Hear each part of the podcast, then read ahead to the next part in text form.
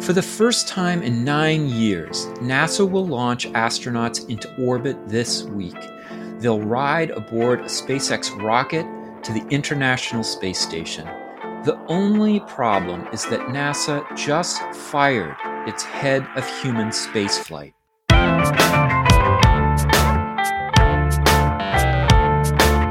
It's time to eat the dogs. I'm Michael Robinson.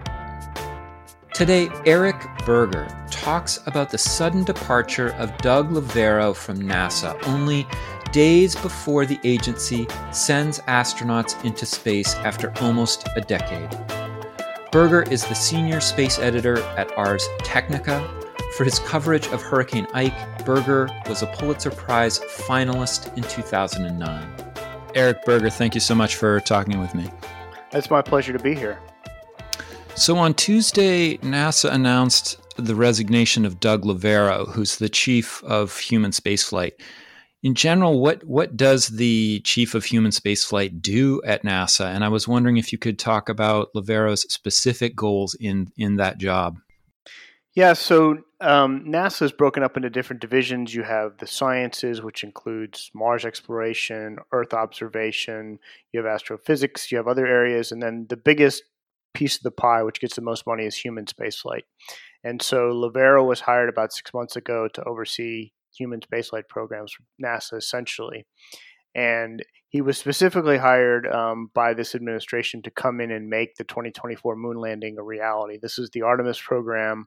Uh, it was announced by the vice president a little more than a year ago that that was the goal to land a man and a woman on the south pole of the moon by the end of 2024. And his mandate specifically was to come in and do that. And he actually replaced the long-standing chief of human spaceflight, a, a gentleman named uh, Bill Gerstenmaier, who was widely respected, but was generally seen by NASA Administrator Jim Bridenstine as moving a bit too slow on Artemis. And so, do we know the reasons why Loverro resigned after such a short period of time at the job? Yeah, we do broad, very broadly. We know it's, it's hard to discern um, specific motivations or exactly what precipitated to his firing, um, or well, his resignation. He was asked to resign on uh, on Monday, and it was announced on on Tuesday.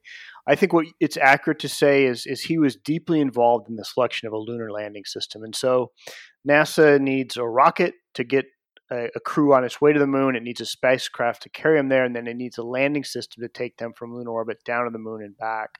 During Apollo, this was the familiar uh, capsule uh, or familiar lunar module and descent module and ascent module. Um, but this is different. This is a different system, a new era.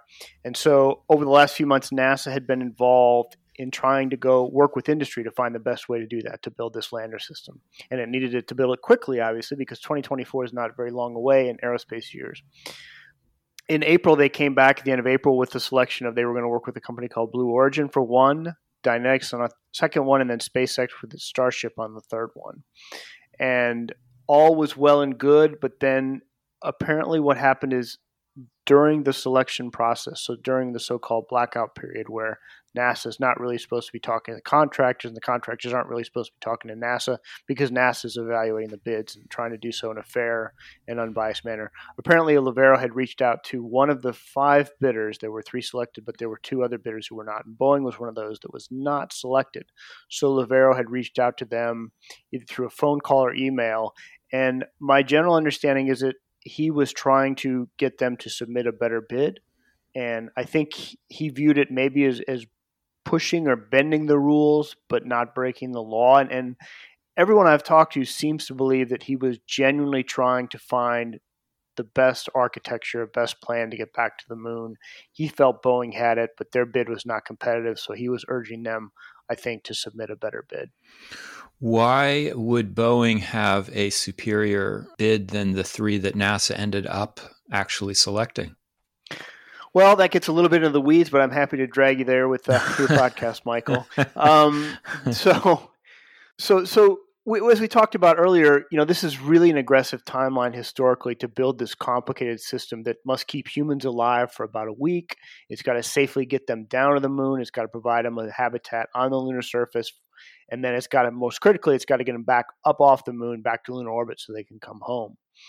And he did not feel that any of the three bidders, and, and let's face it, Blue Origin, which is Jeff Bezos' rocket company, um, Dynetics, which is a smaller company um, based in Alabama, and SpaceX, none of them have any experience in building this kind of a complicated lander system for people. And so I think Loverro's thinking was a they they probably weren't going to be ready. Okay, and if and if his mandate was to get there by 2024, which it was, he said he just I think in his mind he's like it's not going to happen if we go this uh-huh. way. Um, the other factor to consider is that those bids were predicated outside of Starship on sort of a complicated, compl- somewhat complicated plan whereby you would launch different pieces of the lander out to the lunar orbit. So, like, you would launch the crew habitat part of it. So, like the ascent module, you'd launch a descent module. Maybe there'd even be a third piece of it, which would be a transfer stage, which would take you from some area of lunar orbit, lunar orbit down closer to the surface of the moon, and then and then kind of release a descent module. Wow!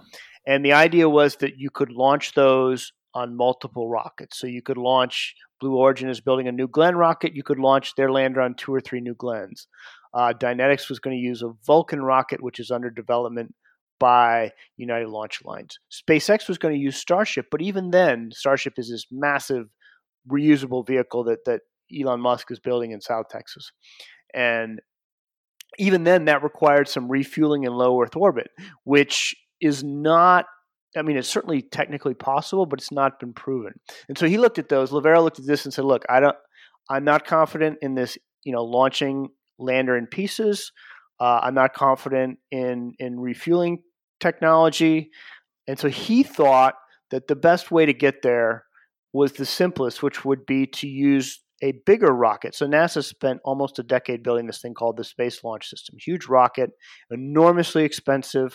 You know, it was originally due to launch in 2017. You know, we're here in 2020, and it's not going to launch until the end of next year at the very earliest. Mm. However, if it does come online, although it would be expensive, it would be capable.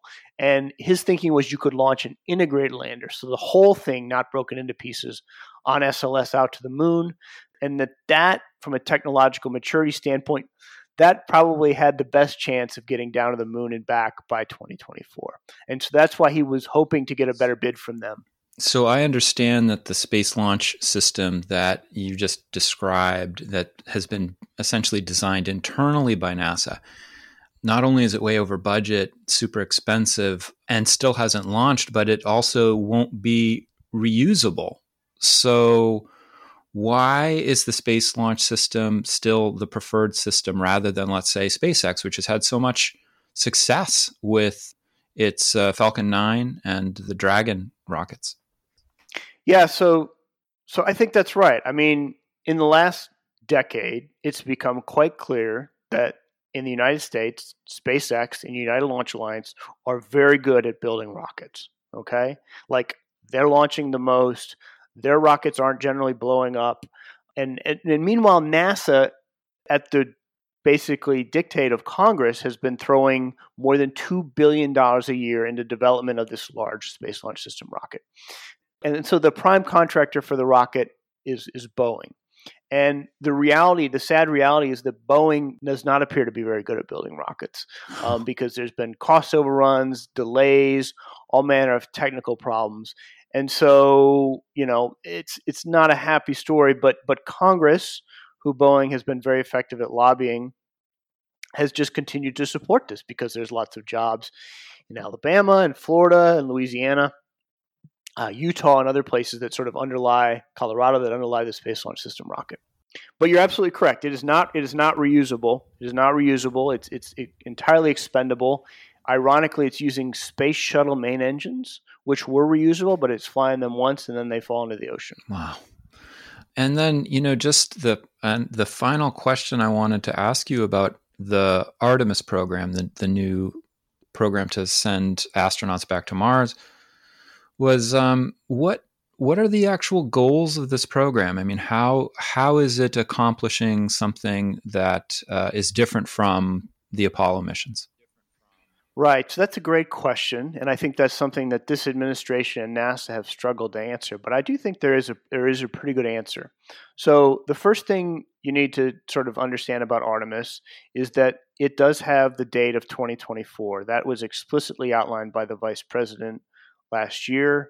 And you can say two things about that. First of all, you can say, well, that's a political date. It would be the last year of a second President Trump term, right?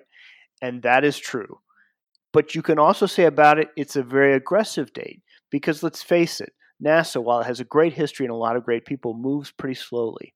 And the 2024 date basically puts pressure on the agency and says, let's try to move more quickly. The people at the White House are not stupid, right? Well, some of the people at the White House are not stupid. They look around at the commercial space industry and they say, wait a minute, SpaceX is doing what? Yeah. They're, they're going this fast? You know, why isn't NASA doing that? They, they, they would like to see the space agency move faster. And so I think the 2024 date is both political, but it also does put some important pressure on NASA to sort of, you know, it greases the wheels, it moves things more quickly. And I think the administrator of NASA, Jim Bridenstine, has done a very good job of sort of using this to impel or push the agency forward. Now, the second thing is what is why are we going back to the moon? Now, the administrator doesn't say we're going back to the moon. We're saying we're going forward to the moon. But the reality is there are lots of good reasons to do this. The first of it is that it's something we actually can do within the next decade with hmm. humans. The moon is there, it's not too far. And oh, by the way, in the last 10 or 15 years, we've discovered that there very likely are water ice deposits in the polar regions. So this means in these permanently shadowed craters at the, at the poles of the moon, that over time ice has accumulated and that we might be able to use that water resource for purposes on the moon and maybe even for propulsion. And so that's a pretty interesting reason to go back. Another reason is geopolitical. You know, the Chinese um, we're we're in competition with them on the global stage, and they very clearly have a plan to go to the moon to to use resources there. And the idea that sort of we would be watching as China launches to the moon and, and sets up a moon base there or some kind of settlement you know, probably is is quite disconcerting to this White House, and I think reasonably so. And so NASA set a plan that we're going to go back to the moon. We're actually going to do some kind of a sustainable presence there. So we're not just going to do short, you know, sortie missions of a few days. We're going to go there and and eventually set up some kind of settlement and, and learn about living and working in deep space and then apply those lessons eventually to some kind of Mars plan. Hmm.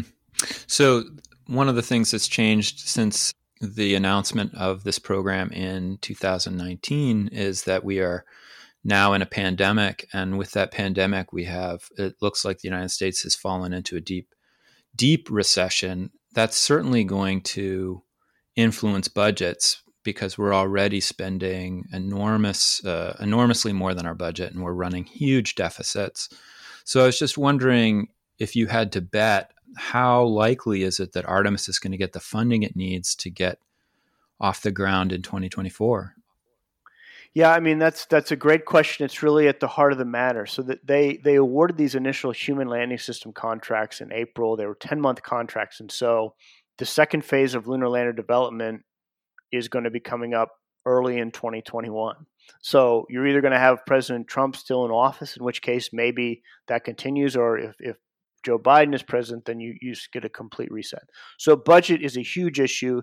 It overlies everything NASA is trying to do because they do need more money to pull off this Artemis plan. You know, probably six to eight billion dollars more a year if they're really serious about doing something in the mid 2020s. That is a lot of money.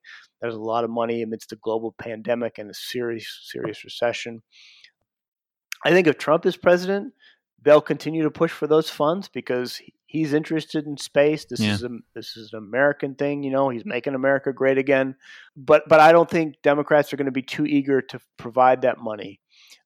Speaking more broadly, I mean, all of the money spent on space is not put in a giant cannon and launched into space. It's mostly spent on engineers and it, across the country and technicians who are building things. So, you know, if you're spending money on NASA, you're spending money on good American jobs and, and benefiting the economy. So I think as you look to as as you look to rebuild the economy, space is one of those sectors that probably will see a benefit in the coming years. Wow, that's really interesting. I, am surprised by that.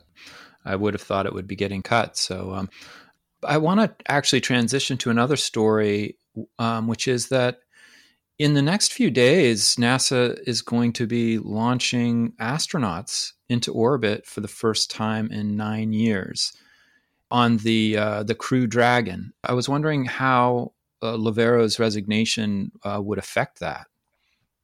Yeah, so this is a really exciting moment for NASA and for SpaceX, which has built the rocket and the Dragon spacecraft that's going to carry the crew to orbit. Um, it has been almost nine years since the last space shuttle flight, and since then, you know, we've relied on on the Russians with their Soyuz launch system to get our people into space. And so to get this capacity back in Florida is, is a huge deal. And it's really been a great program. It's saved a lot of money for America by, by going this route of trying to commercialize access to space. So, yeah, I mean, that's a big deal um, coming up. And Loverro's resignation, you know, a little more than a week before that is is pretty tough because under normal circumstances, he's the guy or the person that would be sitting at the head of the table. They just they just completed a, a so-called agency-wide flight readiness review. This is a meeting where everyone gets together and they social distance this time, but they all get together in a big room and sort of hash out all the details about the mission. Everyone checks the box and makes sure it's ready to go and safe. And so he would have been sitting at the head of the table, basically deciding that yes, go or no go for this mm. mission. You know, him leaving eight days before that, before the actual launch, is a, is a big deal. However, you know, he'd only been on the job six months. There were other people that theoretically could could step in for that, and and quite frankly, you know, the vehicle is is ready to go. So, you know, while while the timing is terrible, I don't think it has a, a big direct impact. Although certainly people have the perception that it does, and understandably so.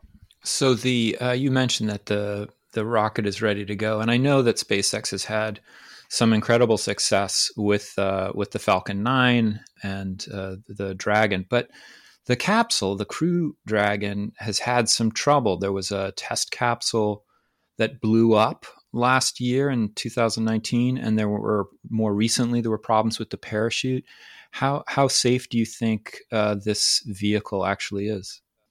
I think it's pretty darn safe. You know, they SpaceX starting as far back as 2006 worked on a cargo version of this spacecraft, Cargo Dragon, and that actually has made 20 missions to space you know, the parachutes have opened up every time, and so they have some pretty good heritage on the vehicle now. Crew Dragon is a bigger vehicle. There are four parachutes instead of three, and as you mentioned, there is these launch abort uh, thrusters, basically. That if there's a problem with the rocket, they ignite and very quickly move the spacecraft away from the rocket. They did a test of those on the ground last April, as you mentioned, and it was catastrophic. The capsule exploded. They went in and figured out what happened and, and fixed it and, and, frankly, this vehicle made a test flight a little more than a year ago into space without people on it, and it did just fine. Uh-huh. So there are always risks in spaceflight. There's risks in launch. There's risks with the Dragon, but you know NASA has had working specifically on the Crew Dragon vehicle about eight years of really digging into this. So they've looked at it. Very smart people at NASA, very smart people at SpaceX, very smart people on the outside have looked at it to sort of analyze to try to find everything that could possibly go wrong on it. And are there risks? Absolutely, there are risks. You know, we did 135 space shuttle missions, and two of them were failed. You know, so so you know Bob Behnken and Doug Hurley, the astronauts who are getting into the capsule, are brave. They're aware of the risk, but you know, I can tell you, I know for a fact they're they're very confident in the launch system. So, you know, for people like me who follow this stuff but don't follow it with the detail and specificity that you do, I look at some of these things and I think, well, you know, Soyuz has also been working pretty well. It's a really old system. You know, why do we need a new vehicle? Or, I mean, you could, I guess you could argue the same thing about the SLS. Why couldn't we use the Saturn V instead of this new system? Are these fundamentally different systems that are improved? And if so, um, how are they better than the older, more tried and true systems? Right. Well, we probably couldn't build a Saturn V rocket today if we tried. And if we did try, it would take a long time to, to spin up manufacturing for that. And the Soyuz is a wonderful system, very reliant. But last year, the rocket failed on launch, and the crew used their launch escape system went into a ballistic trajectory and, and, basically made a hard landing on Earth. I mean, that was very nearly a fatal mission on the wow. Soyuz. So, but really, the main thing to sort of make sure we have an American system is right now there's only one way to get into space. So let's say that that Soyuz mission had been fatal. The Soyuz is down for a year or a year and a half while they investigate it. And then you know, what do we do? We don't have any people Yeah, on the space yeah. station. We we potentially lose that hundred billion dollar asset that's in orbit. So you really need redundant access to space, and, and that's why NASA has contracted with both SpaceX and Boeing to develop different launch systems, the Crew Dragon and, and Starliner system, and and they'll get there. And and the fact of the matter is, it's it's going to be cheaper. You know, in the most recent round of negotiations, Russia charged NASA a little more than ninety million dollars um, for a seat for Wow. a single seat into space on the Soyuz, Mm. and the estimated price of a, of a Crew Dragon seat's about fifty million. That's a better deal for NASA. They had to pay uh, a fair amount of money, uh, a couple billion dollars up front in development costs, but now they have this brand new system that's reusable, should be hopefully reliable, Yeah. and uh, and and in the long run, it's a it's a good deal. You mentioned that the oh, and our astronauts don't have to um, to learn Russian you know, when they go to space, or like part of their training. You know, they would spend months and months over in Star City in Russia getting ready for launch, and so now they can do that much closer to home. hey, I teach in the humanities department. I think they should learn Russian. I think they I think they still will, or you know, they still will. So you mentioned uh, Bob Behnken and Doug Hurley as the members of the crew that are going to go up in this new craft in a few days. They are veterans of the space shuttle, which last flew, I think, in 2011. But this is a really different craft. This is nothing like the space shuttle. So why choose these astronauts that uh, went up in the space shuttle rather than some new generation of astronauts? Well, you'd have to ask you'd have to ask NASA that. I think I think one of the things is they wanted some experience um, in testing a new, uh, testing new vehicles. You you probably don't want to find out that a new astronaut, you know, once they actually get to space, is going to freak out during the experience. Now, that doesn't happen that often, but it has happened in the past. And so you want someone who's been there before. And and Doug Hurley was actually one of only three pilots from the space shuttle program left. So they they kind of went with an experienced hand um, on this, and then the future missions are very much going to incorporate the newer class of newer classes of astronauts. How has the pandemic actually affected the day to day work operations of NASA and SpaceX and the new space companies? Has it really uh, changed things up quite a bit? It's changed things up an awful lot for NASA. They had several centers that reached the stage four of their pandemic plan, which essentially means that they were shut down. Hmm. But NASA kept essential activities going, and that did include the the commercial crew program. And so work continued toward this launch of Crew Dragon. And SpaceX has been deemed an essential service by the federal government because it does a fair amount of defense work, launching satellites for the for the U.S. military. So they they have been going more or less full guns, practicing social distancing in the workplace, that sort of thing. But they their work has continued pretty much apace. I think Elon Musk's views toward the coronavirus are fairly well known Yeah. by your listeners. But but his philosophy is let's let's work through this as best we can. Um, and unlike Tesla, SpaceX was was allowed to stay open, so it's it's been going. And and so, what about for you? Covering all of these stories, has the pandemic um, must have affected your job as well? It's affected it to some extent, but I've been lucky enough to work from home for about the last five years. So working from home has, has not really changed in that regard. And, you know, for the first month or so, you know, I was doing a fair number of stories about the impact of the pandemic on the aerospace industry, launches and things like that. But the aerospace industry has, kicked along, um, especially the space industry. You know, we've still seen launches, we've still seen work. You know, for example, there's another very exciting mission this Sunday. You know, Virgin Orbit, which is one of Richard Branson's companies, spent almost a decade trying to build a small satellite launcher. So this a, a smaller rocket. It's interesting. It's dropped from an airplane, a, a Mm. modified 747, and, and flies into space from there. It's going to make its first mission potentially this Sunday. So it's another very exciting milestone. So that work has continued uh, as well. So you know, it's of late it's been more business as usual, in that there's lots of really interesting things happening. Wow, big big week ahead. Eric Berger, thank you so much for talking with me. My pleasure, Michael. Thank you. That's it for today. The music was composed by Zabrat. Make sure you check out the Time to Eat the Dogs website podcast links and other exploration related stuff. And if you get the chance, please take a minute to rate and review the show wherever you get your podcasts. It really helps make the show visible to new listeners. And if you want to recommend a guest or make a comment, feel free to contact me at time to eat the dogs, that's one word, lowercase, at gmail.com. See you next week.